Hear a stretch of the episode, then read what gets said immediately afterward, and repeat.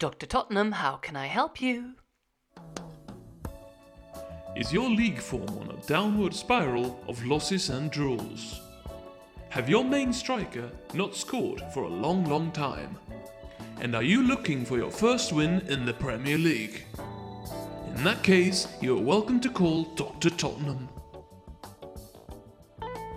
With our unique expertise in individual mistakes, soft attacking, and giving away possession, we can make you win again. Call Dr. Tottenham today. Dr. Tottenham, where bad runs come to an end.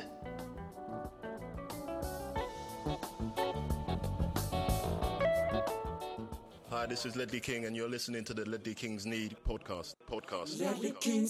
Konsekvent, inkonsekvent Det bästa som någonsin hänt Du kommer aldrig bli dig själv igen min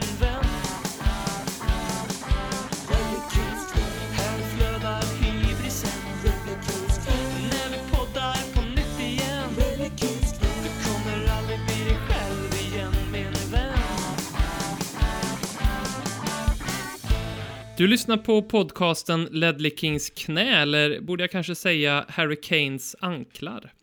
Det här är en eh, radioteater dedikerad till eh, flärd och världsliga saker som till exempel champagnefotboll, aristokrati, men också satir. Och det här är ju också en hyllning till akilleshälen. För vad vore Ledley King utan sitt knä? Och vad vore Harry Kane utan sina anklar? Vad vore Glenn Hoddle utan sin vidskeplighet? Och vad vore Eric Dyer utan sin läckande tarm? Så till dig som lyssnar vill vi framföra djupa och välmenande hyllningar till dina brister, dina finnar, ditt talfel, din oförmåga att tycka om Prips, din oförmåga att använda blinkers när du ska svänga ut ur en rondell. Du är fantastisk precis så som du är, trots dina akilleshälar. Och på tal om fantastisk, tillsammans med mig, eh, Robin heter jag förresten, så har jag den alltid så fantastiske betygskonsulten från Sveriges 17 största stad, som eh, på ett läckert sätt här i förra veckan förutspådde Trent Alexander-Arnolds nya storhetstid i förra podden. Mannen som delar initialer med Brunneby Musteri, BM. Hej, hur är läget? Bara bra Brunneby musteri, det låter ju spontant som ett riktigt eh, trevligt ställe. Man Mm. får, jag får direkt så här småländsk slash Österlen, alltså Skåne tror jag det ligger i. Eh, så fin liten gård med mycket grönska runt omkring och riktigt god sån här 225 sidor som kidsen tycker om att in, börja sina lång, långa liv som alkoholister med. Låter jättefint, men du kunde inte ha mer fel. Jag har faktiskt varit på Brunneby musteri, det ligger i Borensberg eh, och det är ett par mil utanför Linköping. Och jag kan säga Brunneby musteri, vilken flopp. Eh, man kör förbi det när man åker på vägen där, bilvägen till Borensberg från Linköping och så tänker man trevligt ställe. Det där ser ut som, ja, egentligen allt du precis beskrev. Där kanske jag kan glida in och bli lite salongs på en trevlig liten cider, men vilken flopp. Jätte, alltså, nej, åk inte dit. Bespara er tid. Åk däremot till Borensberg, där var jag på semester nu i somras och vi cyklade lite där, längs Göta kanal. Otroligt trevligt. Syn. Ja, nej, alla tycker ju såklart olika. Ehm, det, jag, tror, jag, tror, jag tror de bara gör sån här, eh, musteriet är ju bara cider som säljs på Ica också tror jag, alltså inte ens 2,25 eh, procent i cider utan eh, eh det är ju, ja, nej, den är säkert god, men eh, stället, vilken flopp. Får vi ändå säga. Vi, eh, som ni hör, vi ska prata om andra saker än Tottenham idag, men vi ska också prata om Tottenham, eller vad känner du? Ja, jag har annars hört eh, rykten om att eh, Paris är en rätt trevlig stad och att eh, jag, fick, jag fick ett mejl på franska från Pauleta. Som, han trodde jag var Leddy King och frågade om jag ville istället om jag ville vara ambassadör för deras svenska supporterpodcast. Mm. Men vi får se. Det är ju silly season, sista deadline day. Vi får se om jag och några andra svenska Tottenham-supportrar helt plötsligt dyker upp i era flöden i Ja, blå, blårött tror jag de spelade i Paris. Alltså sälja sin själ, kan det vara så farligt egentligen? Alltså man, man kan ju sälja sin själ för att lyfta ligabucklor. Så. Ja, exakt. för liga det är ju det allt handlar om. Jag skiter väl i om Tottenham blir 11. Vinner vi en ligacuptitel kommer jag vara hur lycklig som helst. Och ingen kommer tracka dig på jobbet och inga Arsenal-supportrar kommer retas och alla kommer bara vakna upp en morgon och säga nu, nu, nu är Tottenham där. Nu är vi fulländade. Ehm, men jag tänkte ändå att du skulle få värma upp med en, ehm, en grammatiskt quiz. Du, är du svenska lärare? Nej. Det var tur det, för då hade du haft lite högre fallhöjd på den här, men jag tror inte du kommer ta den ändå. Av någon outgrundlig anledning så kommer jag att tänka på den här, och jag blir alltid så full i skratt när jag tänker på den här. Eh, det är min eh, före detta kollega och gode vän Peter, som jag för övrigt har varit på, så det här är enda Tottenham-kopplingen som ges i det här sammanhanget, men som jag varit på White Hart Lane med ett par gånger eh, och eh, sett Tottenham. Och jag tror faktiskt att jag fick honom att bli Spursare. Han är, han är för, för övrigt, när vi pratar om musterier, nu knyter jag på säcken här, men han är precis utanför Borås, där de, där de har eh, eh, Brämhults eh, musteri är väl inte kanske, men de gör Brämhultsjuicen är det ju. Eh, där är han ifrån, håller på Elfsborg, men eh, ja, blev smittad av mitt Tottenham-engagemang, följde med på ett par 0-1 förluster faktiskt. Och han, han körde den här för mig första gången och eh, alltid när jag tänker på den så blir jag full i skratt. Eh, så jag tänker ge dig den här utmaningen och det är en grammatisk gåta, quiz, utmaning slash sådär. Kan du bygga en grammatiskt korrekt mening genom att eh, sätta fem stycken och bredvid varandra?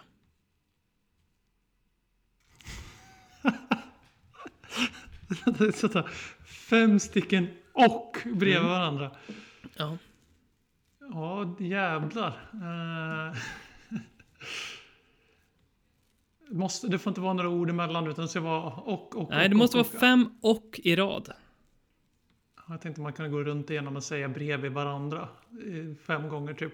Ja, men typ S- Serge Arier och eh, José Mourinho sitter bredvid varandra och Hugo Lloris och eh, Ja, Erik nej. Dyer och...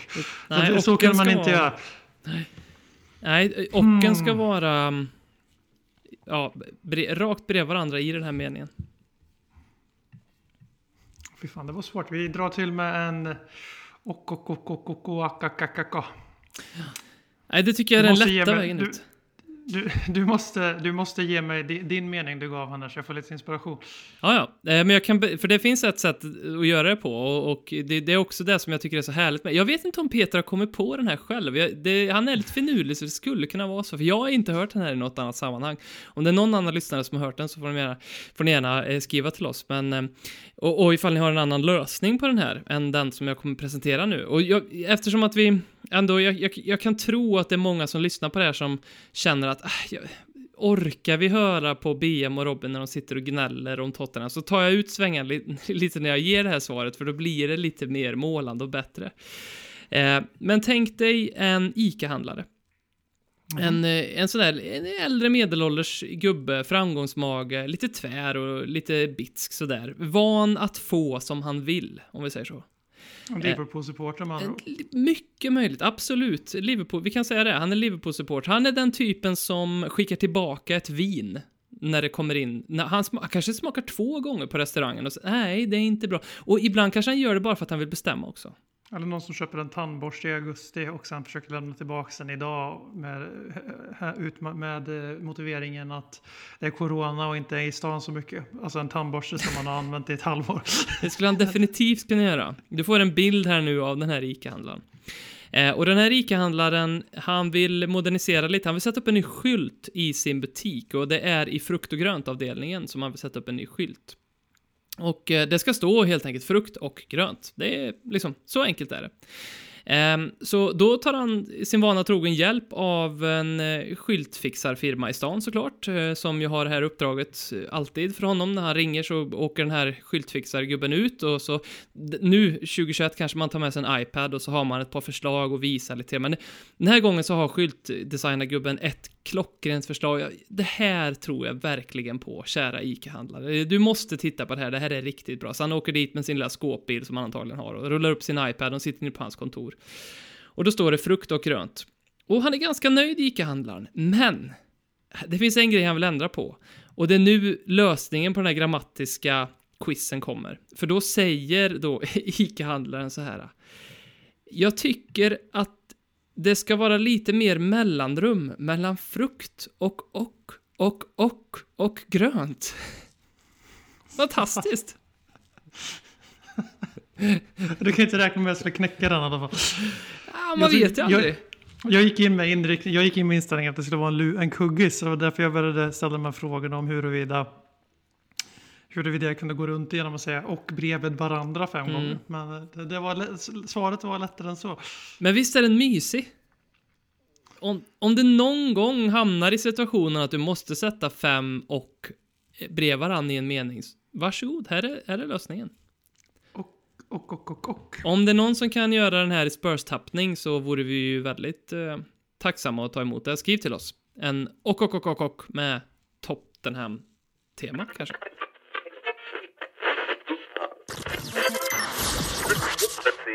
Du lyssnar på Ledley Kings knä. Du kommer aldrig bli dig själv igen.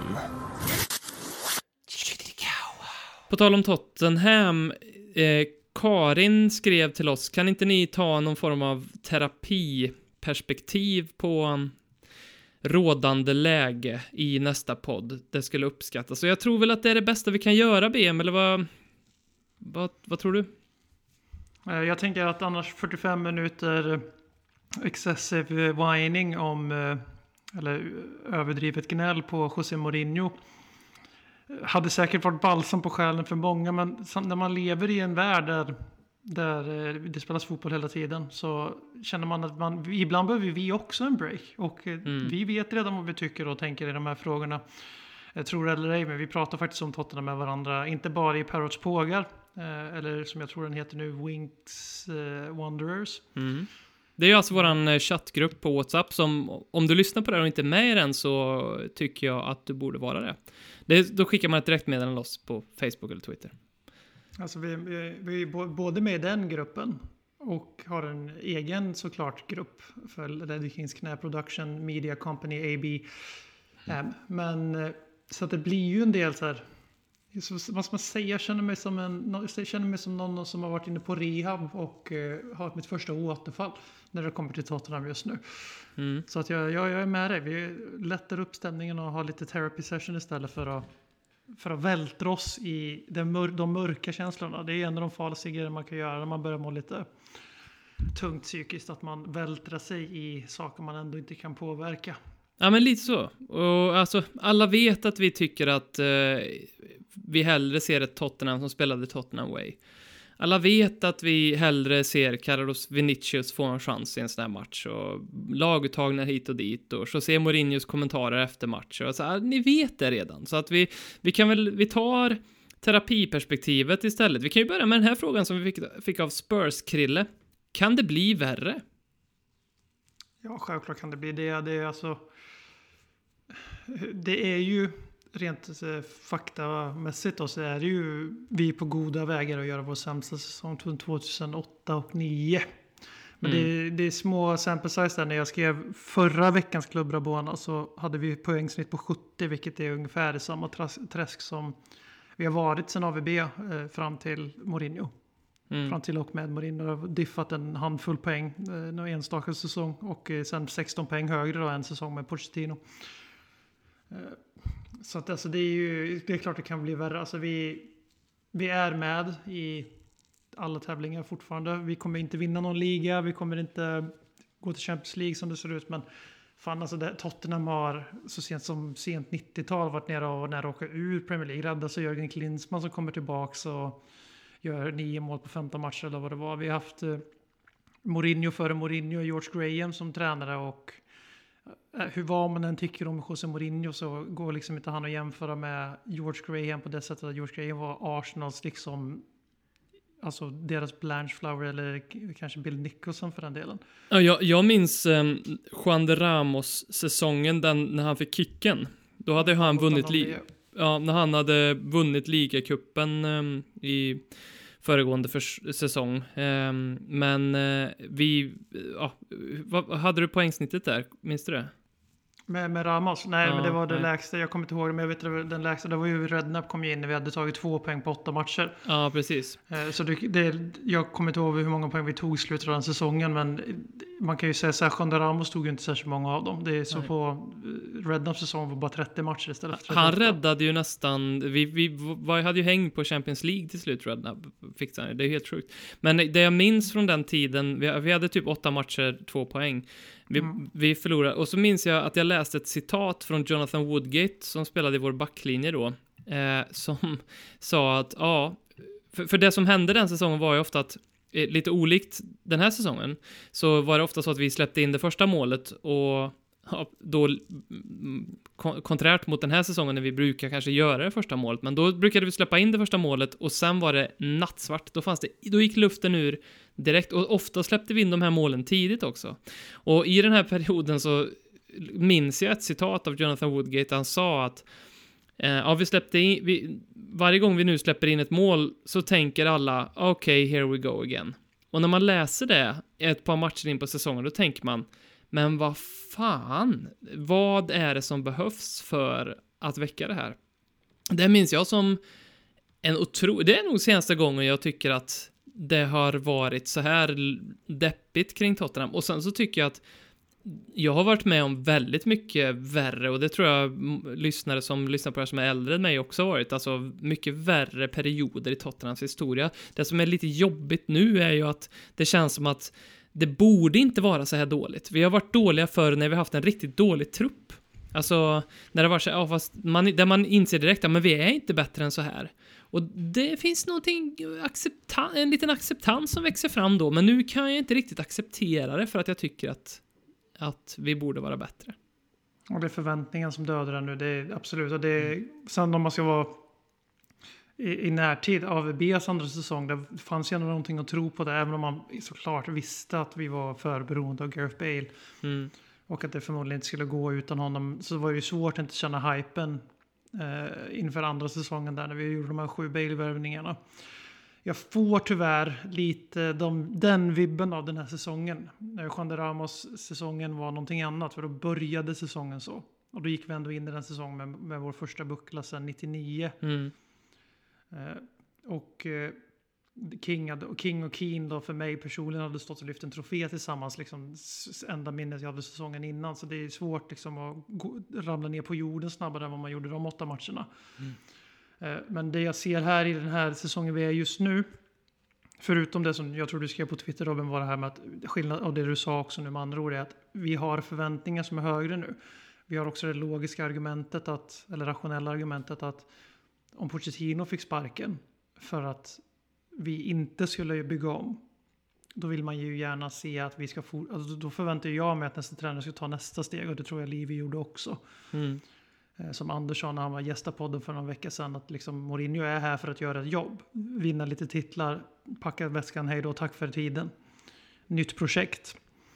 Eh, Men det jag ser här är ju den här pyspunken som var så tydlig mellan AVB och spelarna. Hans andra säsong där 13-14 måste det bli då. Nej 12-13.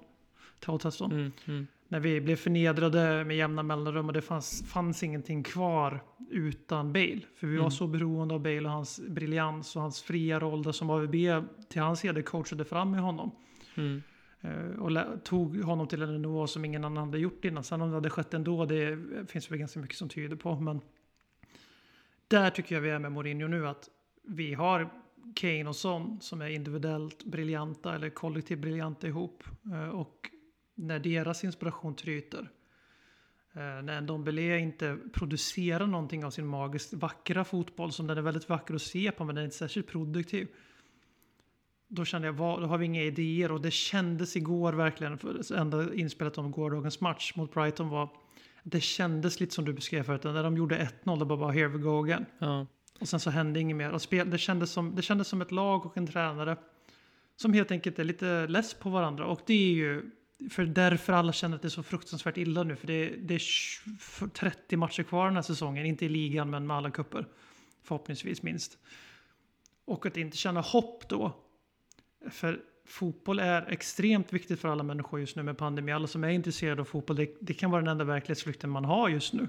Enda saken som rundar av den här enformiga vardagen där arbetsplatsen är ditt sovrum eller kontor eller vad det nu är. Du är på samma ställe hela dagarna. Att då tappa hoppet för en säsong på grund av att man har förväntningar. För jag menar fan för tio år sedan lite drygt. Om Tottenham hade legat sjua tror jag vi är, sju, åtta i ett gytter med lag som alla, alla kan bli trea i alla fall. Och de lagen som ligger i det här gyttret. Så är det faktiskt. Mm. Ja, även hade, vi. ju- då hade man varit, då hade man varit, ja, ja, då hade man ju varit peppad som fan. Bara, oh, wow, Mm. den här säsongen, fan vad kul. Lite som Aston Villa känner nu kan man säga. Ja, ja. De är i en annan del. Eller West Ham för all del. Ja, de är i andra delar av sina cyklar såklart. Men, Mm. Men eftersom vi har förväntningar och fått lite så snobbstämpel och vi är vana med lite finare europeiska turneringar och vi är vana med att gå ganska långt i kupper och vi är vana med att spela rolig fotboll. Ja men precis, och då, nu är vi helt plötsligt tillbaka i en tid där det inte det, vi kan ta det för givet och det är klart det känns tungt men fan vi hade kunnat, vi hade kunnat vara Sheffield United-supportrar nu. Alltså d- Snacka om, de har 20 matcher, de har 18 matcher kvar av Premier League och det är redan slut liksom. Det, det finns ingenting som kommer rädda dem kvar om, förmodligen. Eh, Eh, du kan vara Scott Parker i Fulham och leder med 1-0 West, mot West Bromwich och borde leda med 3-0 i paus och så tappa poäng. Alltså det, det är klart vi har haft det värre och även om det självklart känns riktigt pissigt just nu. Det svarar väl egentligen lite grann på Daniel Makotos fråga också om man hade varit lyckligare om vi lirade fin fotboll i toppen av Championship istället för det här. Och ja, det hade vi väl antagligen varit ifall inte vi hade haft en historia, ett bagage som vi då hade hela tiden jämfört det med. Men eh, vi hade nog inte varit det nu, då hade vi ju tyckt att vi hör inte hemma här. Vi är aristokrater i topp 6-samfundet eller topp 4-samfundet. Det är runt det bordet vi ska sitta, inte i toppen av Championship. Kul att vi leder ligan, men vi ska tillbaka, så antagligen inte. Eh, jag tänkte på det, för det var ju, du, du säger att eh, man ser att det är ett lag och en manager som inte riktigt tror på det och kanske har annat i clinch med varandra. Eh, vi hade ju, och då i Liverpool-matchen här då, så hade vi ju mm, en rad olika spelare som eh, jag kan tänka mig att eh, Hugo, eh, José Mourinho inte var särskilt nöjd med. Eh, och inte vi fans heller. Vi hade Matt Doherty. Som jag tycker, han var urkast men samtidigt så han spelade, ju fel, han spelade på fel position i alla fall i, i, första halvlek. Men det blir lite grann, tycker jag, i den diskussionen som att säga så här... Ehm, eh, att försvara Matt Doherty för att han spelar där är liksom att säga så här, jo, jo, jo, Donald Trump var en dålig president, men han är ju Donald Trump, han är ju ingen president liksom. Så här, nej, men han var ändå där på vänsterbacken och han gjorde ändå det pist liksom. Um, Hugo Lloris, uh, Eric Dyer, första 1-0 målet. Jag tycker att det är solklart Hugo Lloris fel. Jag, jag tycker ju, det betyder ju inte att jag tycker att inte Eric Dyer också lite fel där. Uh, men jag tycker att vart är Hugo Lloris kommunikation? Den saknar jag jätteofta. Det är, han, han ska ju skrika, det ska ju vara, det ska ju nästan göra ont i Eric Dyers öron så nära han är Hugo Lloris där för att Hugo skriker hans boll eller skriker han away och Eric Dyer ska sparka den. Men eftersom att inte Hugo gör det så, så vet inte riktigt Eric Dyer hur han ska agera. Och det är också dåligt eh, såklart av Eric Dyer, han borde tjonga iväg den där. Men det ledde ju då till att eh, Serge Aurier blev utpekad enligt källor. Eh, som eh, av José Mourinho och om det var så att Sergio Aurier blev utpekad och de bråkade och han blev, sen blev utbytt eller om han blev utbytt först och de sen började argumentera, det, det vet vi inte riktigt. Men det vi vet är att han lämnade arenan. Eh, tror att den här, um, vi har ju pratat om det i podden förut, att det Mourinho gör när han kastar spelare under bussen, det som det riskerar hända är ju att första gångerna kanske får en effekt. Ja, det fick en effekt med Tanguy Dombele, till viss del fick det inledningsvis en effekt med Dele Alli, men den har inte hållit hela vägen ut, vad det verkar. Kanske är så att nu börjar spelarna se det här, liksom, man är värd kattpiss den dagen man råkar göra ett misstag, även om man har spelat jättebra, då kanske man börjar tröttna på, på varann och förhållandet och man tror inte på det längre och, spe, och det, det, det blir svårt att motivera sig för man vet att okej, okay, jag kanske gör 42 jättebra minuter, men gör jag ett misstag, då kommer José skrika på mig inför mina lagkamrater. Eh, tror att det kan ha, den liksom relationen, kan den kan den ha börjat glida åt det hållet? För jag menar, det finns ju också ett, en, alltså det finns ju också en, eftersom att det här är också, det finns erfarenheter kring att Mourinho har haft den här typen av missämja i trupper tidigare. Det kan ju också späda på det att det händer snabbare nu i Tottenham för att många av spelarna vet att ah, nu kanske vi hamnar i det där som Mourinho brukar hamna i med sin trupp. Vi är där redan liksom och då kanske det förstärks av den blotta tanken. Tror du att det kan vara så? Eh, Mourinho håller ju på med vad som man brukar kalla för konfrontationellt eller konfrontationellt eh, ledarskap. Eh, Mm. Väldigt utmanande och vä- väldigt höga krav och väldigt, väldigt macho är väl mitt sätt att beskriva det. Säkert någon som är bättre än mig på att beskriva ledarskap. Så som antagligen ICA-handlaren gör. som vi Ja, pratade men om lite förut. så. Mm. Och det är väl igen, om man beskriver den här sekvensen, vi, vi släpper in väldigt mycket enkla mål eh, som ofta är produkten av individuella misstag, gärna sent i matcher. Och där, där tror jag det är mer en taktisk grej, att det, på grund av att vi tillåter så mycket press mot oss, vårt lag, så kommer man att slippa upp. Men här var det ju inte riktigt så, utan, men det som är intressant här är att man kan ju liksom ha en eh, seriös tribunal och ställa alla de här spelarna till svar om vems fel var det här. Och man kan absolut komma fram till Serge för sitt slappa försvarsspel i slutet sekunder av första halvlek. Lite sån mot, eh, jag kommer inte ihåg vilka det var mot, nej, men Loris ville slåss med sån i alla fall för något, förra säsongen. Eh, vi kan också absolut Dyer, Loris. Min, min enda lilla försvar till Loris där är väl att Dyer ska bara dunka bort den. Han ska inte vänta på sin målvakt och ta beslutet åt honom. Men självklart ska Loris kan ju också ta den. Men det, vad det symboliserar i det stora hela är ju att ingen tränare i världen kan träna ur de här sakerna i våra gubbar. Det är bara att konstatera nu. Alltså det, de, det, det är ju, nu är det Pochettino och Mourinho som har misslyckats med att få bort de här hjärnspökena och grodorna som görs. Eh, men det, det, disharmonin det tyder på att, eh, att man liksom inte att man, ska vara någon bust-up i omklädningsrummet, att det ska ha varit hårda ord, det ska ha varit särskilt lämna och han var inte ens med i truppen mot Brighton, vilket säger det mesta. Eh, Det är ju där man är orolig på riktigt. Att, för han- Mourinho har bara varit här i 15 månader och vi, nu vet vi att i Mourinho-tid så är det 50% av hans, hans epok liksom oftast. Men den här gruppen som på alla sätt verkar beskrivas som nästan too friendly av Mourinho själv när han kom hit. Det här, de är för bra kompisar. Det här är liksom för mycket en klubb, kompisklubb liksom snarare än en idrottsklubb. Eh, och, eh, och det har han ju försökt råda bot på. Det ser vi ju i vissa matcher att han har lyckats med. Och det säger inte att våra trupp inte tycker om varandra längre. Men det är ju någonting som börjar sprida sig och det är ju sällan gynnsamt på långa vägar nu. Så en sak jag hoppas få se här nu, om du tänker på vad Mourinho, hur han lät efter Brighton kontra hur han lät efter Liverpool. Det var ju väldigt mycket mer empatisk tränare som stod där efter Brighton och blåljög om. Mourinho trodde inte på det själv, att killarna hade gett allt i andra halvlek. Det är klart Nej, att de jätte, alltid... Jättekonstigt citat. Han sa att Brighton bara försvarade hela matchen och ja, jätteknep. Det var som att han var ironisk nästan. Ja, men jag vill jag stryka lite medhårs efter att ha varit väldigt hård mot dem tidigare matcher. Ja. Jag tror att i Mourinho så dog eh, titeldrömmen i, i, mot Brighton. Jag tror att han trodde på det ända tills dess. Mm. Eh, och nu försöker han en annan approach, eh, tror jag.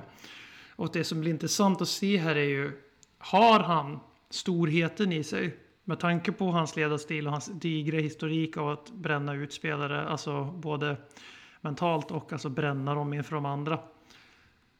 Har han stoltheten och storheten i sig själv, äh, storheten att svälja stoltheten i sig själv och att och släppa in Sergarier och framförallt Dele Alli i laget nu, för vi Mm. behöver dem desperat. Och, eh, Verkligen.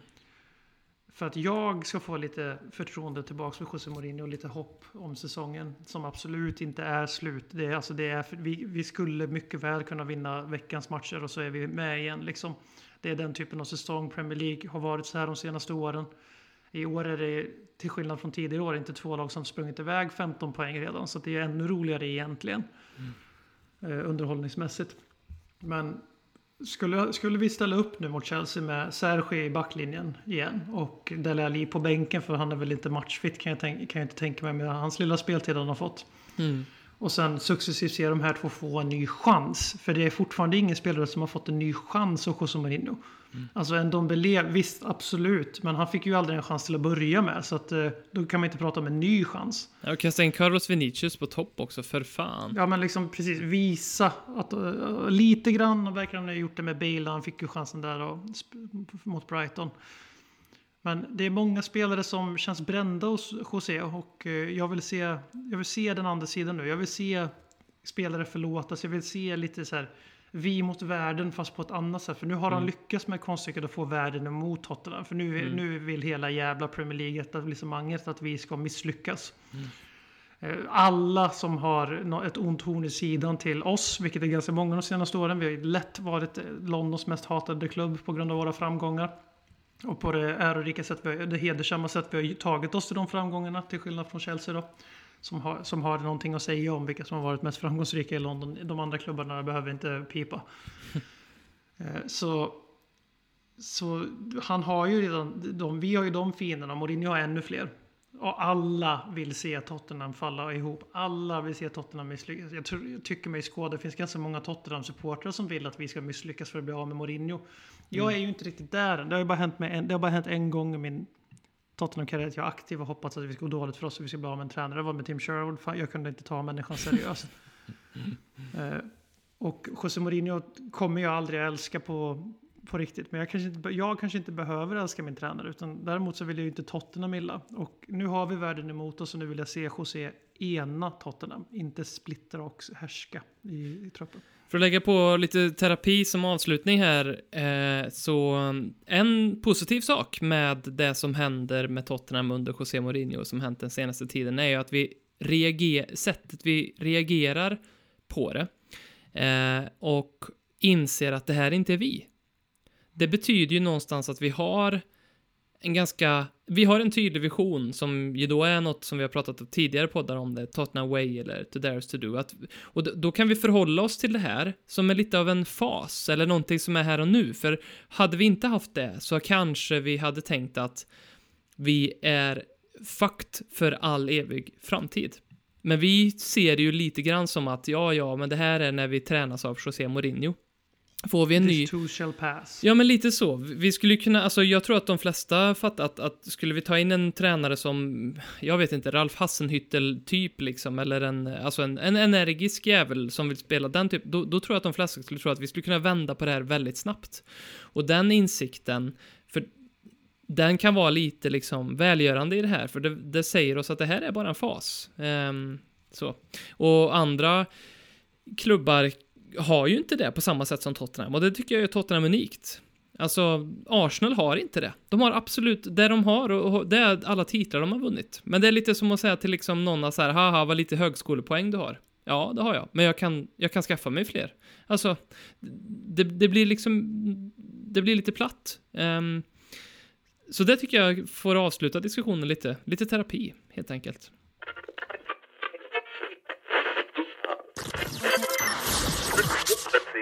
Du lyssnar på Ledley Kings knä. Billigare än terapi, roligare än knark. Jag skulle vilja prata om eh, Fabrizio Romano-runket.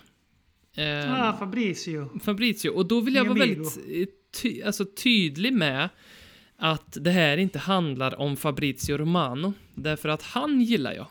Han är en charmig italienare. Han har sin gimmick, here we go. Det är ju fan, det är en jättebra gimmick. Fan vad jag älskar gimmicks.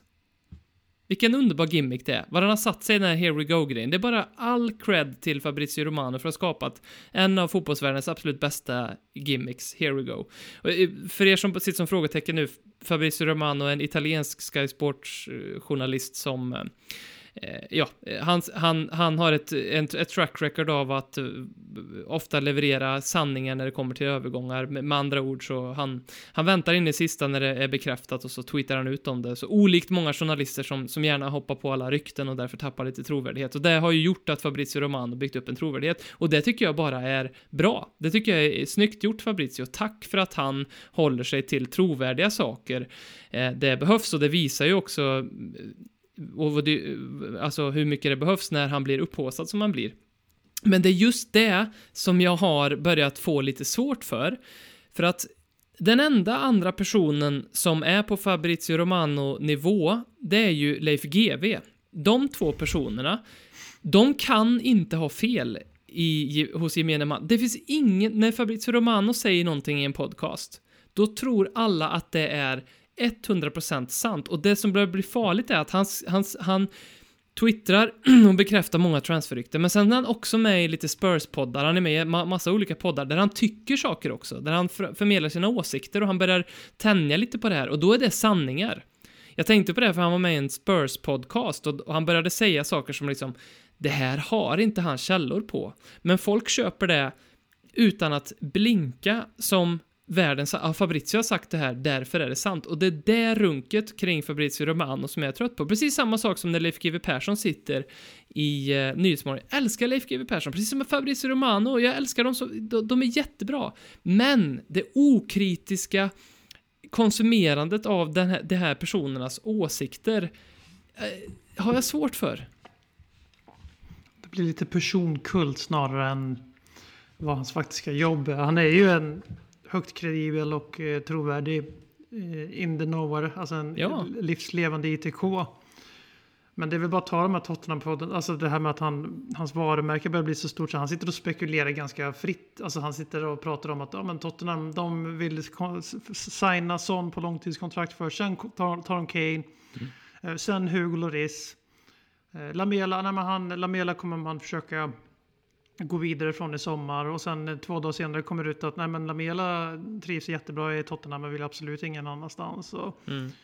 eh, och eh, ja, och sen är det precis som du säger att han har ju liksom på grund av sin eh, raketkarriär inom det här, som han är ju främst inkopplad i italienska klubbar såklart, så har det ju blivit att vad han än säger är det är inte en spekulation. Han skulle Nej. behöva göra lite som alla ITK Twitter-konton gör som du säger.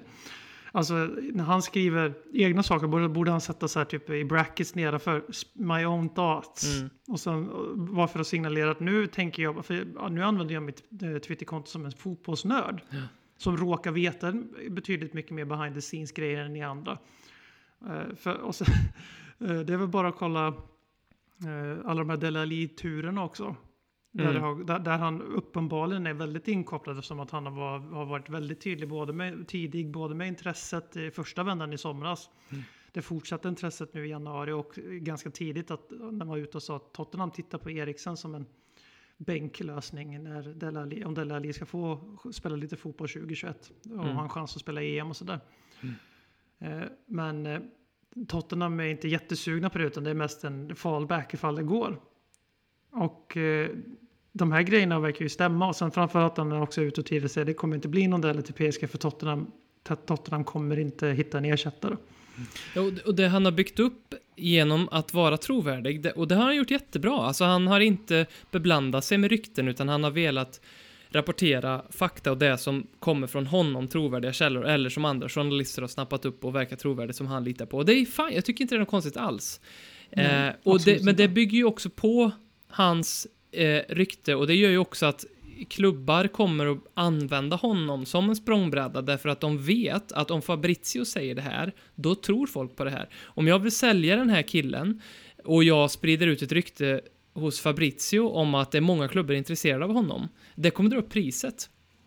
Eh, Så det kommer ja, och då blir han helt plötsligt exakt som Daily Mail och alla andra semi acceptabla dagsblaskor i England som ibland är helt rätt på det. För självklart klubbar och agenter läcker ju ibland sanna grejer till tidningarna. Och ganska ofta sprinklar de in sådana här trissa upp priset, skapa intresse för en klient. Alltså lite fa- fast trails helt enkelt för Mm. att och han låter sig, som du är inne på, han låter ju sin egen fame, får man väl lov att sammanfatta det som, göra så att han faktiskt blir sämre på det han var så jävla bra på. Ja, exakt. Han gräver ju li- lite, eller folk gräver grav, graven åt han lite grann för att Ja. jag- ser, alltså jag ser folk skriva till honom ungefär som förr i tiden när folk liksom vallfärdade till en präst eller en biskop. Åh, jag är gravid, kommer det här barnet att överleva? News Fab, Ja, här, har du någonting om Serge Aurier? Alltså så här, det är som att han är liksom en uppslagsbok och att han har alla svaren, men vi måste skriva till honom så kanske han ser och, och så, så ger han oss svaret liksom. Jag tänkte dra idag bara på, på det här temat. Jag tänkte skriva till honom. Hej Fab, any John Guidetti news? Hey Fab, any news if uh, uh, LFC-podden is going to make a podcast? Danny Rose, Milan, yes? Men, eh, men jag, jag vill vara tydlig med att jag, jag tycker att han behövs och jag gillar Fabrizio Romano, jag är trött på runket och jag älskar hans gimmicks. Fan vad svag jag är för gimmicks. Jag tycker, Here we go. jag tycker gimmicks är en så jävla bra grej. Om, vi, om jag får flika in med två andra bra gimmicks.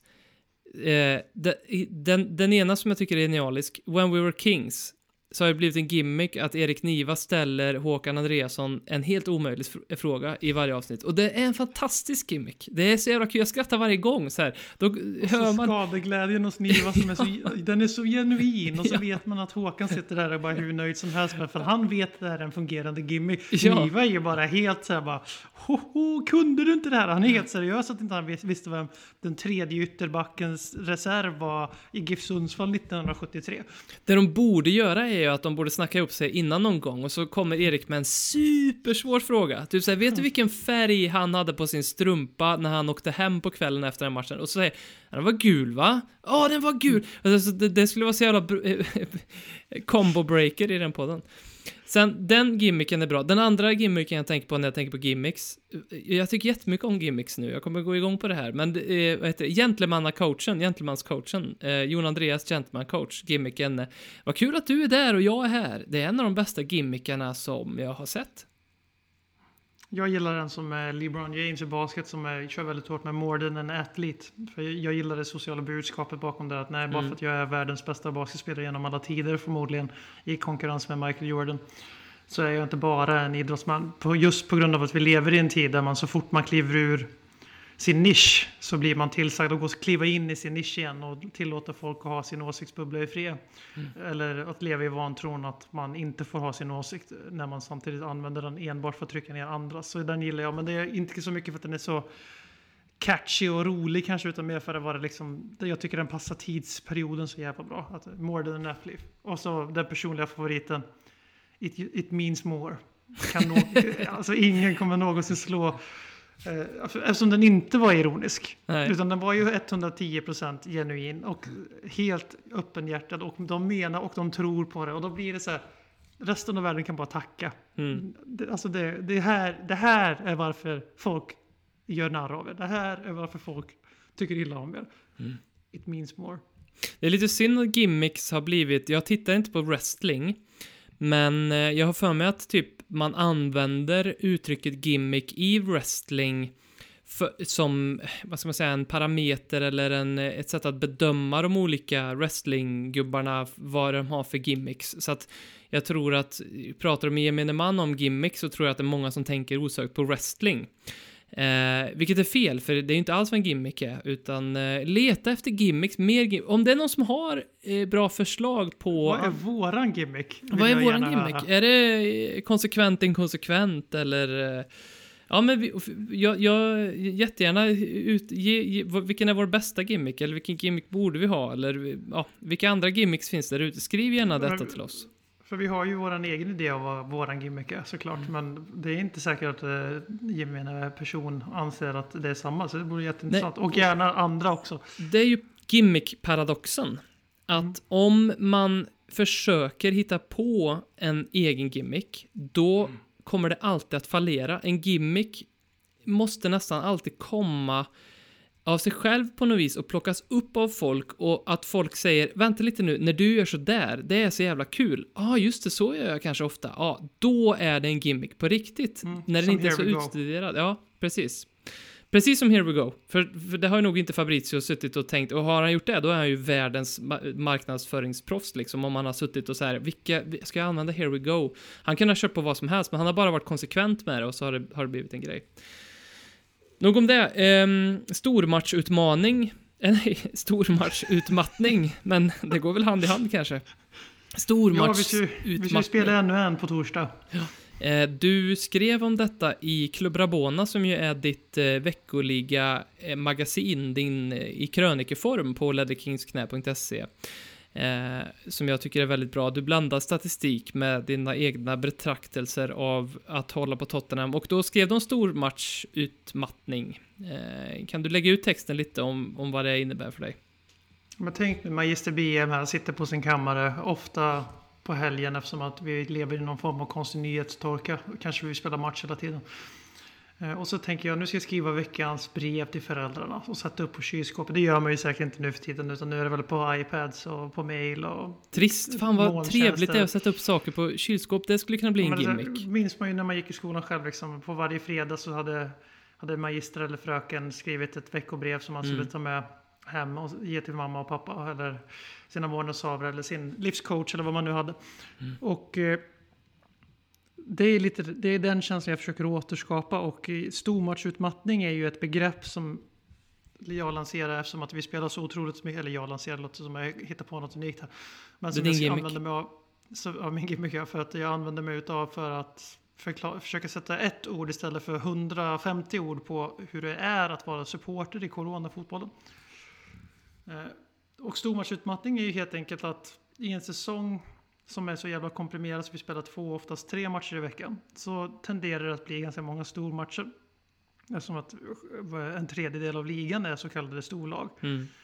Eh, ungefär. Och eh, det gör att man... Förut så kunde man ju liksom ringa in matcher på kalendern. Bara, uff, uff, sitter den här dagen? Eller åh nej, har vi i år igen fått tre matcher i rad mot topp 6-klubbar? Fy fan vad spelschemat är kast. Den här säsongen har vi båda haft det med, vad hade vi då när vi mötte alla topplag i, på sex matcher typ. Mm. Alla förutom tvåan och sånt där. Eh, Och eh, nu har vi Liverpool och sen en, en, exakt en vecka efter Liverpool så har vi Chelsea och då har vi spelat en match emellan. Mm. Sen har vi Everton i FA-cupen och sen, så, alltså, och sen har vi City en match emellan efter det. Alltså det. Det har blivit att varje match är exakt likadan. Mm. Det är exakt samma uppladdning för man, man har ingen energi kvar. Det brukar vara nästan en så religiös ritual att se på Tottenham förut. Eh, Nu är det ju mer liksom, eh, som du skämtade om i magasinet igår för de som tittar på det på vår YouTube-kanal. Att eh, det är liksom, man si- man sitter varannan dag och säger att "Ja, jag ska se på Spurs. Jag ska se på Tottenham igen. När den gick igenom februari-schemat. Och den här känslan av att inte känna något speciellt inför ett Liverpool, eller inför ett City. Utan att det är bara en match i, i raden. Det är stormatchutmattning, att det finns ingen nerv i det längre. Det finns inte Styr det här att man vaknar på måndag morgon med ett litet spring i steget och glider igenom veckan och med både lite fasa men också med lite förtjusning för att den där stor... Den det är den här veckan vi ska spela mot Chelsea. North London Derby Week är liksom dött, för nu är Mm. allting North London Derby 48 hours. Mm. Eh, Alltså, man, man skulle kunna säga att fotbollen nu för tiden är Twitter. Mm. För att det, Twitter är ju väldigt intensivt och sen så poff, ny grej. Väldigt Mm. intensivt om den grejen, poff, ny grej. Eh, Och det är ju fotbollen nu. Man hinner ju liksom varken vara i stunden när det går bra för Tottenham eller vara i stunden när det går dåligt för Tottenham. Det, jag tror det är ytterligare en förklaring till om vi kopplar tillbaka till den lite mörkare delen i början av podden. eh, Under terapisessionen där. Att jag tror att det är en förklaring till att det är så otroliga känslosvall nu. För det, vi spelar, vi hinner inte gå igenom en formsvacka som förut var utspritt på tre veckor som jag sagt några gånger den här säsongen. Det är nu på åtta dagar. Ja. Men det är tre veckors av trauma Mm. som supporter. Det är ju trauma faktiskt för supporten. Det går dåligt för slag. Tragiskt som det kan tyckas vara. Eh, jag är ju en av av skolan som tycker att det är det som är vackert med fotboll. Att det är det som enar och förbrödrar och försystrar folk. Men att tre veckors trauma trycks ihop i sex dagar samtidigt som man har tillgång till sociala medier. Det, det är så, Chelsea på torsdag, jag känner ingenting. Och det har ingenting att göra med José Mourinho och missnöje, bla bla bla. Det hade kunnat vara Gud på våran bänk. Och jag hade ändå bara, "Åh, en till match. Det får mig att fundera på om det är stormatchutmattningen då som kanske ligger till grund för fenomenet som jag upplever och som jag vet också att du upplever.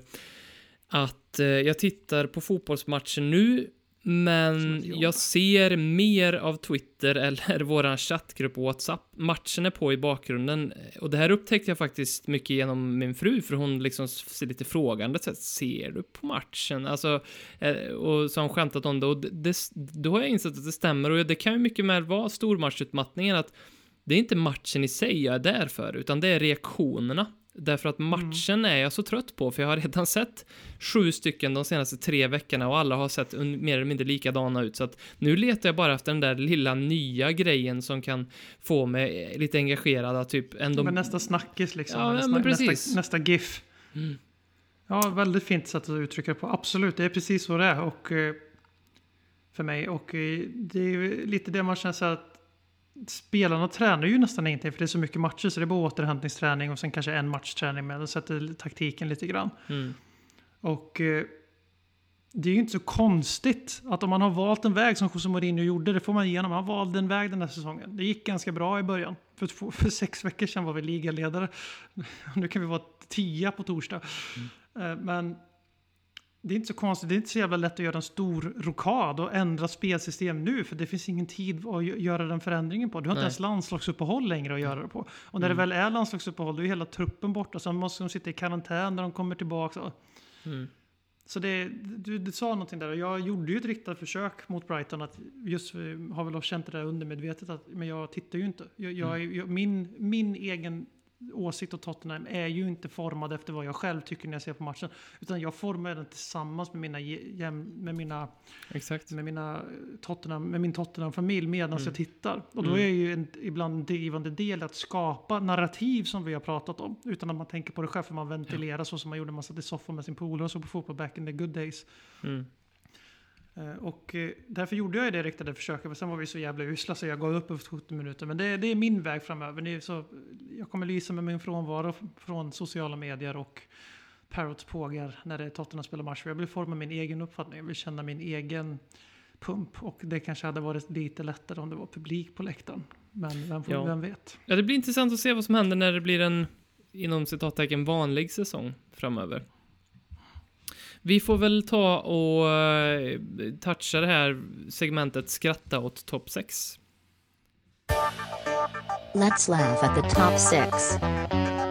They are really shit.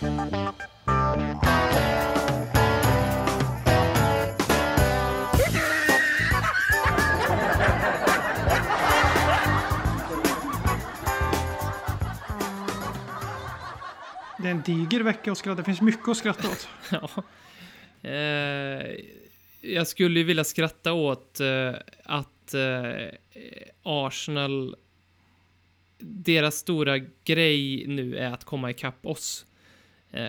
Två, vet, poäng och en, häng, eh, två poäng och en hängmatch. Kan vara fem poäng bakom oss om vi vinner vår hängmatch. jag har mer koll på hur nära Arsenal är att komma förbi oss än hur nära vi är att slå oss in i någon form av titelrace. Och detta har jag tack vare att jag har så många i min närhet som är Arsenal-fans. Och då har jag insett, för att de hör av sig till mig så ofta, nu är det två, nu är det tre poäng kvar hör du.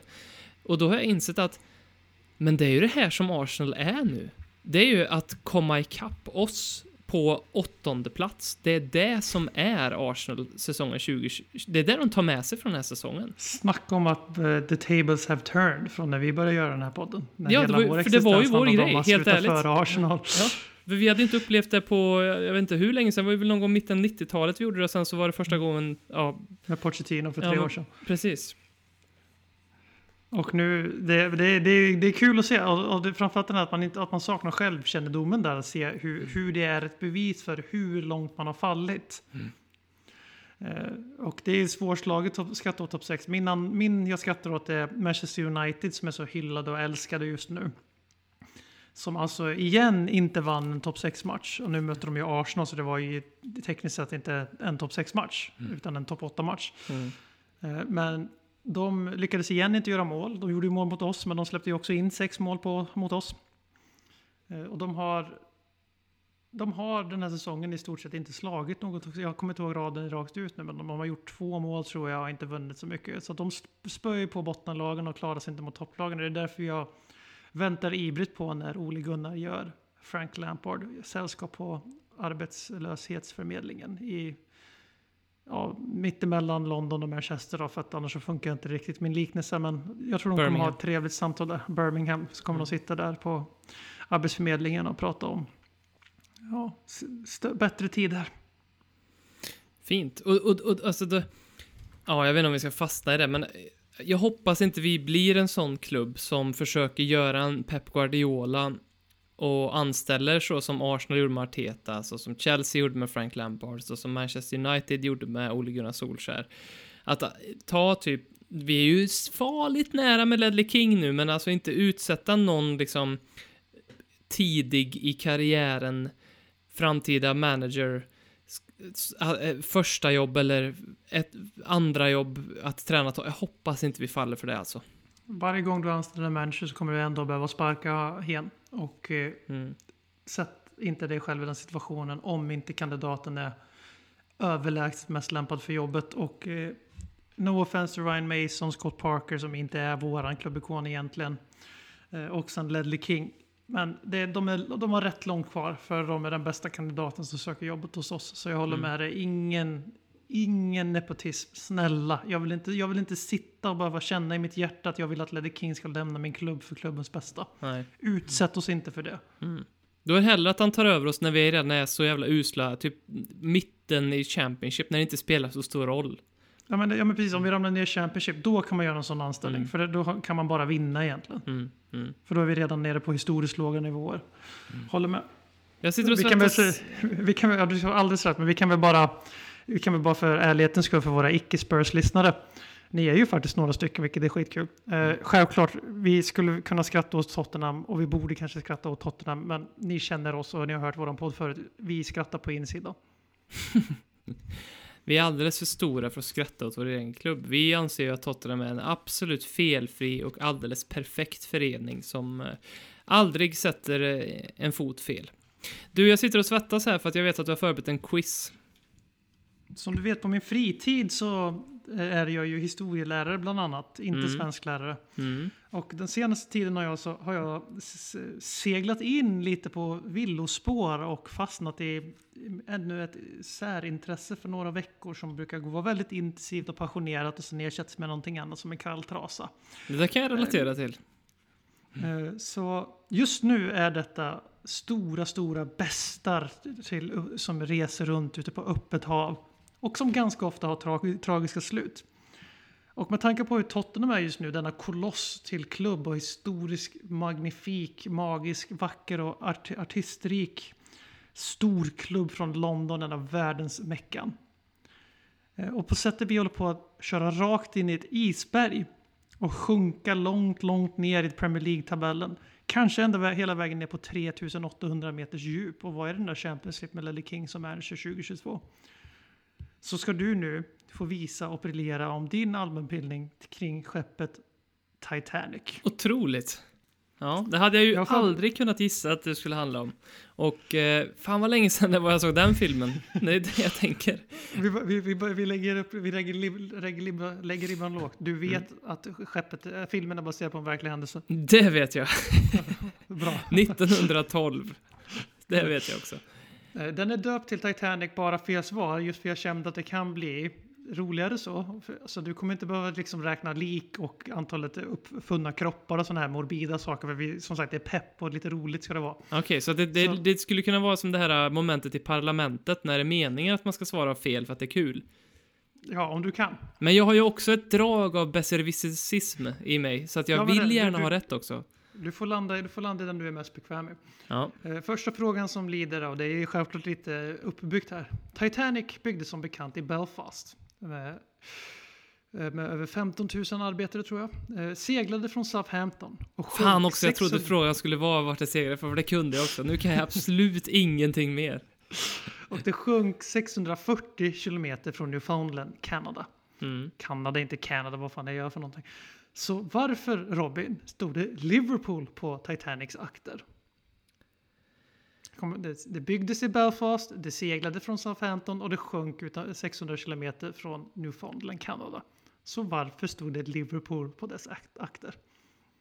Det stod Liverpool på Titanics akter för att eh, inget skepp hade förut byggts till en sån magnifik prakt och med sådan framgång och inget skepp hade heller aldrig sjunkit så bottenlöst djupt i världshistorien. Och aldrig haft det så tungt. Nej, Nej jag vet inte varför så Eh, Liverpool, Jag känner att men- man kan, skäm, man, man kan skämta sånt här nu för det är ändå 108 år sedan. Men, men, men okej, om jag får ge ett seriöst svar då. 1900, ja det skulle kunna hålla. Belfast och, och byggs den i. Sen så kanske den pausar i Liverpools hamn eh, där. Och att det då är Liverpool-fans som skriver detta eller att man gör något, något fel där. Jag, jag, det skulle kunna vara en seriös gissning. Eh, korrekt svar är att White Star Line, alltså de som bygger skeppet, är baserat i Liverpool. Alltså det är en väldigt stor hamnstad. Mm. Och eh, det är Titanic står som registrer, alltså registrerat på deras utfärdningsbevis, eller vad man ska säga, så står det Liverpool som skeppets hemvist. Sen att det, det, som, nu vet jag inte allting om det här skeppet, men mig veterligen så satte det aldrig sin vackra köl i Liverpools vatten och tur var väl det. Något som är synonymt för Liverpool är ju oftast att eh, när det går bra, då är de fantastiska och då är det för att de är som fantastisk förening. Men när det går dåligt, då är det alltid någon annans fel. Och eh, det bevisar väl bara saken. Eh, om Liv- Titanics riktiga hemvist var Liverpool, det är ingen som vet att det är så. Nej, därför att Liverpool har varit jävligt tydliga med att det här var ett skepp som seglade från Southampton och ingen annanstans. Mm. Byggdes i Belfast. Eh, eh fråga nummer två. Eh, Titanic, som du såklart vet, hette egentligen RMS Titanic eller RMS Titanic. Och inte bara Titanic. Den hade även två syskonskepp som hette Britannic och Olympic. Även dessa bar namnet, eller förkortningen RMS framför sig. Så vad står RMS för? Kul, det borde jag ju kunna ta. Eh, jag tror att RAF, som ju är eh, luftmotsvarigheten, är Royal Air Force. Jag trodde du skulle ver- verkligen... Det var Royal Air Force Titanic. Så att jag tror att R är nog Royal och M är ju inte osökt att man tänker Marine alltså. Eh, så Royal Marine och sen så Ship är ju trevligt att säga men det är ju, det känns, det blir fel. Royal, Royal Marine Ship. Eh, Royal Marine Ship, det låter som en Här svensk här, här, har- är min kung, här är min kungliga fordonsbil. ja, det, det blir inget bra. Royal... Du har ett rätt än så länge. Ja, och det är jag Roy- förstår verkligen M1. Royal är helt korrekt. Jag förstår verkligen M1. Men det, tänk så här, en ledtråd. Vad använder man för att vad använde man förut för att kommunicera över gränser när det inte fanns Snapchat? 1912. Mail Service kanske? Royal Mail Service, kan det vara det? Royal Mail Steamer. Steamer såklart, ja. Mm. Och ja det här är ju en väldigt exklusiv klubb. Mm. På tal om Liverpool. Det här är ju ett Champions League-skepp. Mm. Det var bara vissa steamers som fick åka runt med RMS på sidan. Mm. För att visa att man var trovärdig att leverera sin post. Mm. I de flesta fall förutom just det här fallet såklart. Mm. Förutsatt att man inte har adressrad Atlanten. Det är ofta sådär med förkortningar att de har en, alltså man vill att det ska vara något annat, men det, det kommer från, ja, ja, nej. Jag trodde, jag trodde 100% att det stod för Royal Mar- Marine Service eller någonting tills jag gjorde, sökte upp faktat om quizet idag. ja, okej, ja. För att jag hade, jag hade all, aldrig gjort mailkopplingen. Så jag tycker, där får du rätt på tycker jag. Åh fan. Otroligt. Eh, Nu kommer den svåraste frågan såklart. Mm. På en lång kryssning över Atlanten så behövs givetvis mycket dryck. Eller vad sägs om de 224 000 muggar vatten som serverades? Eller kanske de 20 000 flaskor öl som hälldes upp i glas till de rika och som fattiga? Men frågan lyder såklart, vilket var den bäst säljande ölsorten i Titanics diverse eh, färjebarer? Ja, det är väl bara att gissa på vad drack man? Var det en lagertid? Var det en... ehm, Oj vad du går in med fel, med fel värde i den här frågan.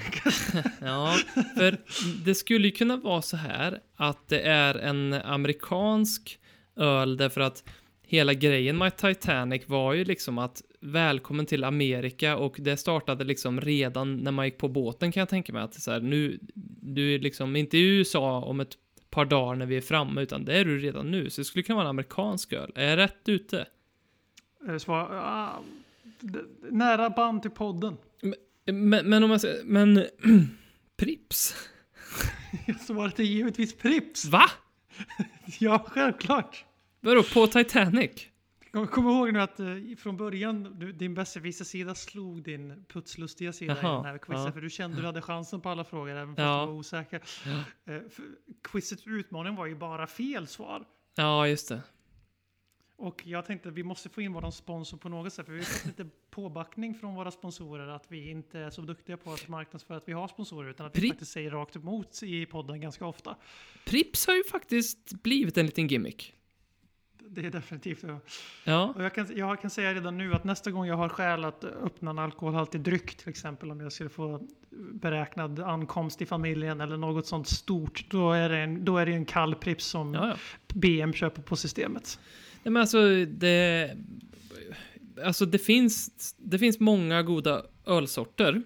Men jag förstår inte varför man ska köpa något annat än Prips. Därför att den är inte bara jättegod, den är också jättebillig. Det är alltså bland de billigaste ölsorterna som finns på systemet. Och väljer du någon annan som kostar ungefär lika mycket, då smakar det, då smakar det poolvatten. Eller det smakar skit liksom. Men Prips är god. Och så loggan, va? Vilken logga? Ja, Jag håller med.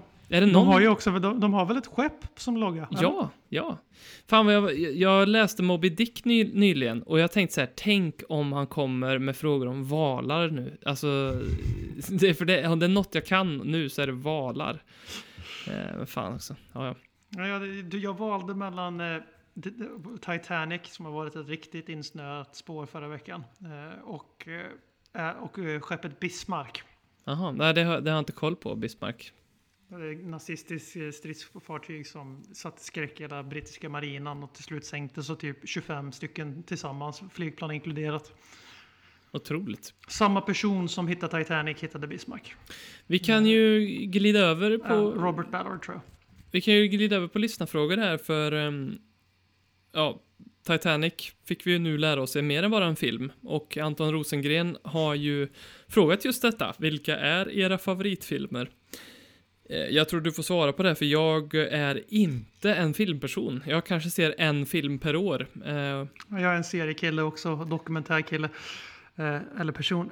Jag, helt ärligt, man ser ju mer bra filmer än vad man kommer ihåg. För Mm. att man tycker de är jävligt bra i stunden. Sen så, jag, jag är en sån här som avskyr att se om saker jag har sett också, förutom komediserier. För där ja, mm. kan man alltid hitta nyans. Men att se liksom samma film, det är inte min grej. Så de filmerna jag säger som liksom betyder något för mig, det är Star Wars 1 till 6. Och Sagan om ringen-trilogin. För att det var filmatiseringen av en bok som jag blev helt head over heels förälskad i som tioåring. När jag i och för sig bara hetsläste den för att jag skulle, fick biobiljetter till den i julklapp när den första skulle komma ut. Vem fan gjorde inte det? så då, då fastnar man ju. Men eh, annars, jag, man ser ju mer film som sagt. Men jag, jag kan säga en generell typ av för mig. Jag gillar, jag gillar filmer där man utforskar män, mänsklighet. Mm. Det behöver inte vara lättsamt, det behöver inte ha happy ending, det behöver inte... Det behöver inte hända så mycket i filmer för mig. Jag är väldigt intresserad bara av att se liksom så starka känslomässiga situationer och det behöver inte vara så dramatiskt som, man, som Titanic är i slutet exempelvis som är både sorgligt och dramatiskt. Det behöver inte vara det utan hur hanterar man i en familj att eh, man förlorar sitt barn? Hur hanterar man att ens livspartner går bort? Alltså så här, starka mörka känslor gillar jag att utforska via film. För att läsa böcker om det blir väldigt, väldigt mörkt eftersom det tar lite längre tid att läsa än att se på en film. Vilken film förtjänade egentligen Oscarn för bästa film på Oscarsgalan 95? Frågar också Anton. Forrest Gump, Nyckeln till frihet eller Pulp Fiction? Det är fan en jävligt bra fråga av Anton för att Forrest det är ju ändå... Gump. Nej, det är ju Nyckeln till frihet. Ja, det, på tal, de två är ju riktigt bra på de två filmerna. Pulp Fiction har jag aldrig, jag har aldrig gillat pang-pang-filmer som jag kallar dem. Nej, pang på filmen. Ja, den är ju lite... Säger, ja. säger han som samtidigt sa Star Wars för, på förra frågan. ja. Eh, alltså, för det är två fantastiska filmer, men Nyckeln till frihet är ju överlägsen där. Uh, Pulp Fiction är också jättebra tycker jag. Eh, men jag är ju motsats till det, att jag, jag tittar ju hellre på filmer jag redan har sett för att jag vet att jag gillar dem. Än, så att, och det, det är ju också det det som gör att jag inte tittar på mycket film. Och samma med serier, jag tittar hellre om en serie än att börja på en ny för att, för att jag gillar den. Ehm, jag, jag bläddrar här samtidigt i IMDB-appen och ser vad jag har ratat högt. Av någon anledning, jag tänker säga den här för den är så jävla udda, så det, det, det är risk att inte många sett den och då kanske det är en film som ni ser här nu i helgen. Den har betyg 6,4, men jag har gett den 10. Och 6,4, det är riktigt lågt där på IMDB. Human Nature från 2001 med eh, Rhys Ifans i huvudrollen, han som eh, var med i eh, Notting Hill. Eh, en biroll där. Och ehm, eh, Tim Robbins i, från Nyckeln till frihet också en, en huvudroll i den filmen. Det är en fantastisk film. Det är en komedi, en drama, dramakomedi, men den har något. Se Human Nature från 2001. Se This is us på Prime Video om ni, glömde, om ni som jag glömde att säga upp kontot efter Tottenham-serien och sen upptäckte att oj då, det här kan vara den bästa streamingtjänsten som finns om man letar lite. Ja, den är Eh, faktiskt. Serie, men eh, det, på tal om det, om man, om man känner igen sig vad jag tycker om att titta på, så This is us, lite såpopera ibland, men jävlar vad den utforskar mänskliga känslor. Joakim Granberg vill att vi ska diskutera GameStop-aktien. Jag Jag, eh, vi hade behövt få Lin här för jag har varit helt ointresserad av det här. Men det var väl på Reddit att de satt, körde någon attack mot någon aktie och sen så slutade de, de gjorde marknadsstopp på den aktien för att jag, och, nej, jag, nej, tyvärr, fråga Folin på Twitter. Ja, men det- Jag är det- totalt ointresserad av ekonomi. Det- Jag är inte heller, jag har aldrig köpt en aktie i hela mitt liv, jag på att säga, men, jag, men det har jag, men jag, jag är jätteointresserad av aktier. Ehm, och det här ska absolut nu inte bli ett segment där vi pratar aktier, för det är, usch vad tråkigt. Är, uh. Lyssna på han den där eh, klysch, klyschmaskinen, Pelle Ros eller vad han heter. om ni vill Torp. ha det. Ja, eh, nej men ehm, det som var kul med det var ju att eh, ett gäng eh, GameStop, den kedjan höll på att eh, gå i grunden och det var några typ rika hedgefonder som sa att, eh, rika män som sa att den här fond, aktien kommer gå ner och då gick eh, eh, en, en stor skara människor ihop och ändrade på det här.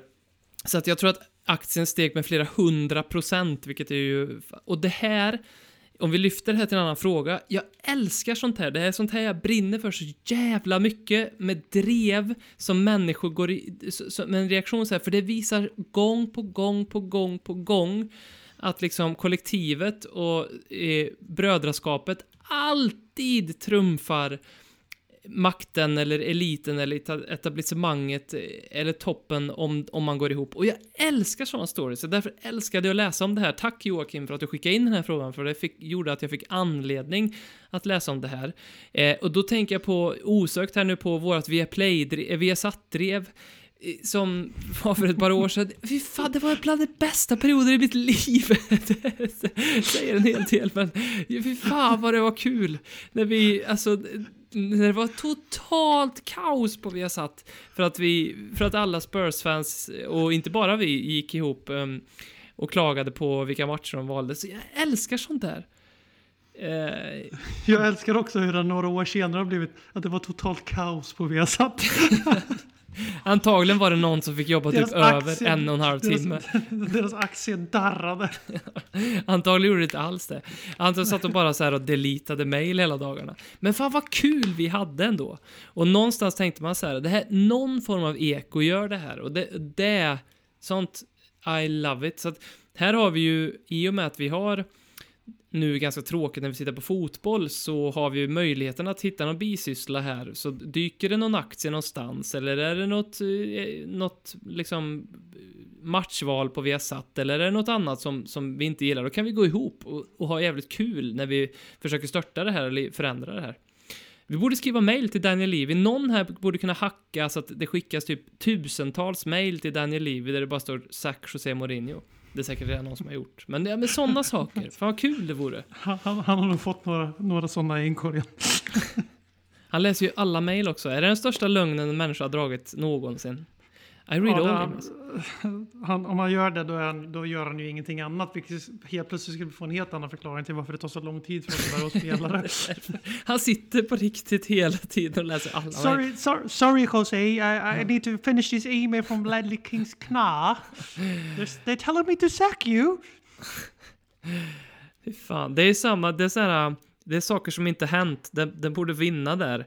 Eh, det är en sån här ledarskapsklyscha, min dörr är alltid öppen, jag läser alla e-mails. Nej, det gör du absolut inte. Ehm, Sam, vi pratade om generationer förra veckan och eh, jag, jag blev så irriterad på mig själv, för jag sa, sa ju i podden, jag döpte ju, jag delade ju in alla Tottenham-supportrar i tre generationer. Då kallade de Stryktipsgenerationen, den ironiska generationen och Bale-generationen. Och nu har jag insett att jag menar ju inte Stryktipsgenerationen, jag menar ju Tipsextra-generationen. Det var ju där det hette, det tv-programmet. Fan vad jag stör mig på att jag sa Stryktipset, men det är skitsamma.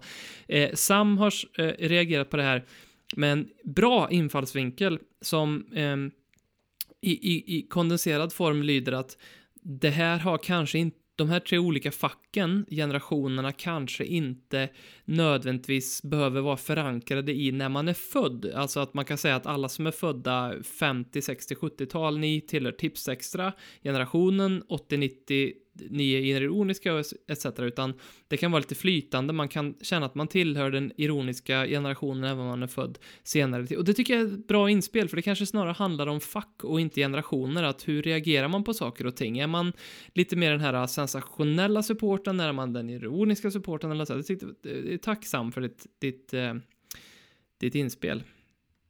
Ska vi ta någon, någon Spurs-relaterad fråga?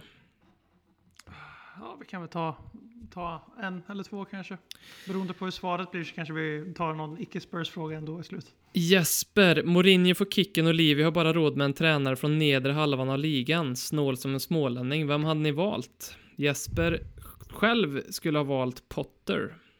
På grund av att han coachar sitt lag att gå för att vinna något som Mourinho kanske inte är van med Tottenham själva. Vem hade du gått för? Jag måste kolla.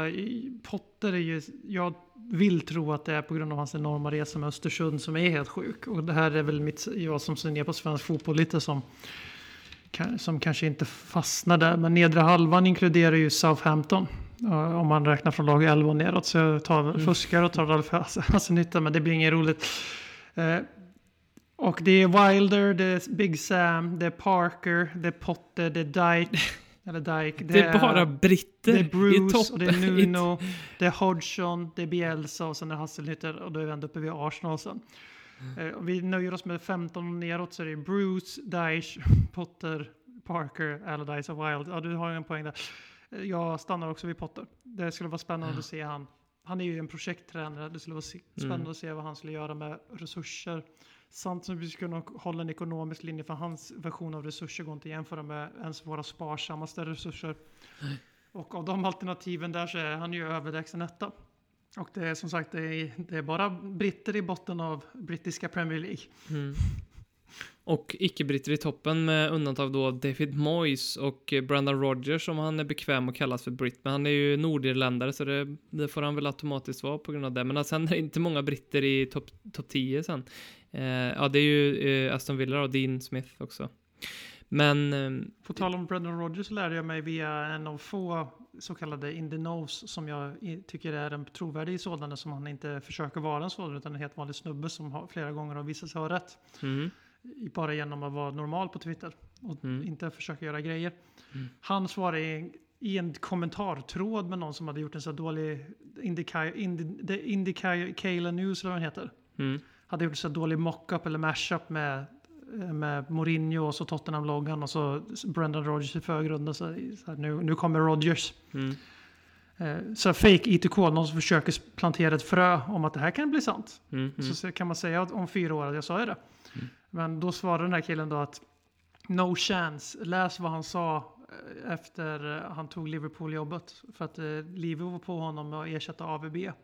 Eh, och de här två männen då, eller Rogers gillar inte Danny Levy. Så att eh, när ryktena gick här före Morin, då var ju Rogers med på tapeten då också. Mm.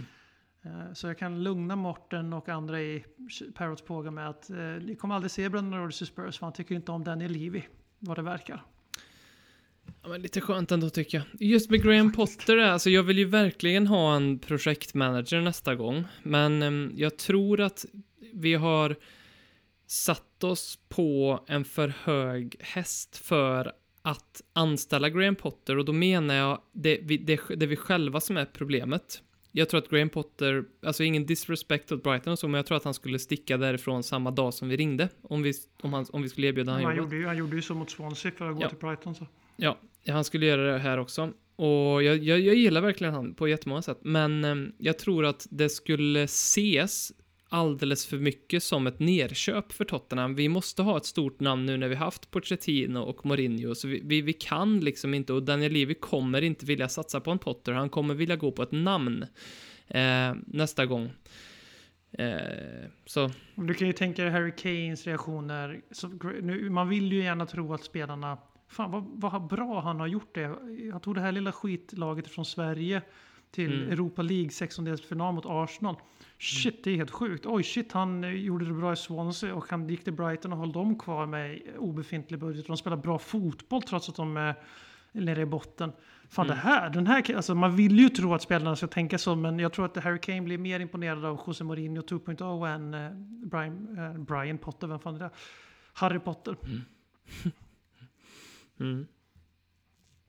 Ja. Eh, Vi måste ju bara nämna att eh, det är ju väldigt lustigt att Jedson Fernandes är klar för Galatasaray och att han flögs dit i ett ambulansflyg för att han hade corona. är ju så jävla knäppt. Ja, Tack för allt Gedda. ja. Han kommer inte, eh, han kommer inte jag sakna i alla fall. Eh, men vi, nu när vi spelar in det här, det är måndag när vi spelar in det här och det är två, tre timmar, tre timmar kvar just nu av transferfönstret. Det ser ut som att Dele Ali stannar. Så vi kan väl avsluta där. Tror du på riktigt att Dele Ali kommer att ha en ny vår i Tottenham 2021? Jag sa ju som jag sa förut i podden, jag hoppas att eh, Dele Alli och Zakaria får en ny chans hos José Mourinho. För vi behöver båda två. Vi, vi skriker ut efter Dele Alli. Eh, Vi måste skapa, vi måste behålla en Dombele längre ner i banan. För vi kan inte bara vara kreativa 20 meter utanför straffområdet och slå en långboll från Kane. Mm. Eh, Vi måste ha ett funktionellt offensivt spel. Eh, Och Delali är en nyckel och nu har han väl för fan blivit satt på i Doghouse tillräckligt länge för att veta att jag spelar för min framtida karriär. Han har ju gått runt på en like spree då på, på Twitter där han har gillat va- varenda inlägg från Pandit som handlar om att han ska spela. Ja, och, det, och detta, jag måste bara säga detta, det här är ju... Fel väg att gå. Han är ju korkad alltså, Dele Alli. Det är han ju. Han har gjort fler såna här saker liksom. Och då menar jag inte de här betalda samarbetena han plock- plockar ut på Instagram, för det har han all rätt att göra, men det säger bara mer om hans fokus. Men han har ju gjort liksom den här Snapchat-grejen när han hånar, alltså han borde veta bättre. Eh, och att han då går runt och likar, alltså det är så, han är så dum som gör det. Åh, jag blir så trött på honom. Så jag, jag tror inte att vi kommer få se det, men jag hoppas det.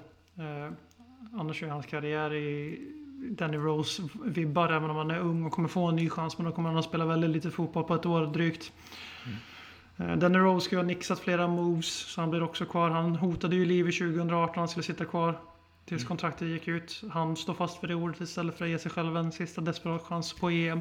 En liten del av mig tycker att det är lite gött att han gör sådär också, för det, det ger ju lite, det sätter ju Daniel Levy lite i en obekväm sits och gör att han inser att han inte kan göra hur som helst, utan han måste vara lite mer Ge, ge och ta lite mer och han måste väva in ännu mer strategi i sina liksom, kontraktsförlängningar och sådana saker. Det tycker jag är lite bra att Danny Rose gör det. Han sätter fingret på någonting faktiskt. Och sen är det väl eh, Troy Parrott flyttar ner till League One och Ipswich istället Mm. för Millwall. Bra. Hoppas att det, får han inte igång det där då kan man väl börja bli lite svajig. Nu är han ju bara 18 då men. Eh, Gäddan till bort från Tottenham är bekräftat. Jag vet inte om Galatasaray är bekräftat men det är dit han ska. Det är väl det som kommer att hända. Vi förväntar oss absolut inget in och inget ut. Utöver det, eh, stanna inte, nu tänker jag säga, sitt inte uppe ikväll så inser jag att de kommer lyssna på det efteråt. Men Mm. Ifall vi värvar någon så kan vi lägga in en liten bit här. Och, och det är precis, ja, han är precis vad vi behöver. Nu vänder det. Topp fyra är säkrat. Men det avslutar vi den här um, terapisessionen. Tack BM! Tack själv. Och tack alla ni som lyssnar. Vi eh, hoppas att eh, det här kan ha funkat som någon form av eh, terapi för er i detta, i detta tidevarv. Kom ihåg nu att i februari är det mycket matcher och vi har som avsikt att köra våra livestreams innan matcher för att snacka upp det. Och det är alltså då cupmatcherna vi gör detta. Det blir mot Wolfsberger och så blir det mot Everton i FA-cupen. Och Wolfsberg i Europa League då alltså. Eh, och eh, sen så i slutet på månaden Magasin LKK som ju nu finns på YouTube och titta på som vi spelade in live i söndags igår. Eh, och som är ett tidlöst magasin där vi pratar om den senaste månaden i Tottenham-lägret lite grann. Och, eh, och också blicka lite grann framåt. Lite diskussion blir det. Eh, det går att titta på och det är tidlöst som sagt. Så det går, missade man det i söndags kan man eh, gott och väl se på det ett par dagar senare. Och vi vill ha ett namn för den, så har ni ett bra namn på eh, eh, på, på rull så verk fram det och skicka till oss. Det är många uppgifter nu ni har. Också skicka in det här med en bra gimmick som ni har någonstans eh, på lager som någon har gjort någon gång. Det vill vi ha. Vi säger så, på återhörande. Ajöken. Ciao. Konsekvent, inkonsekvent Det bästa som någonsin hänt Du kommer aldrig bli dig själv igen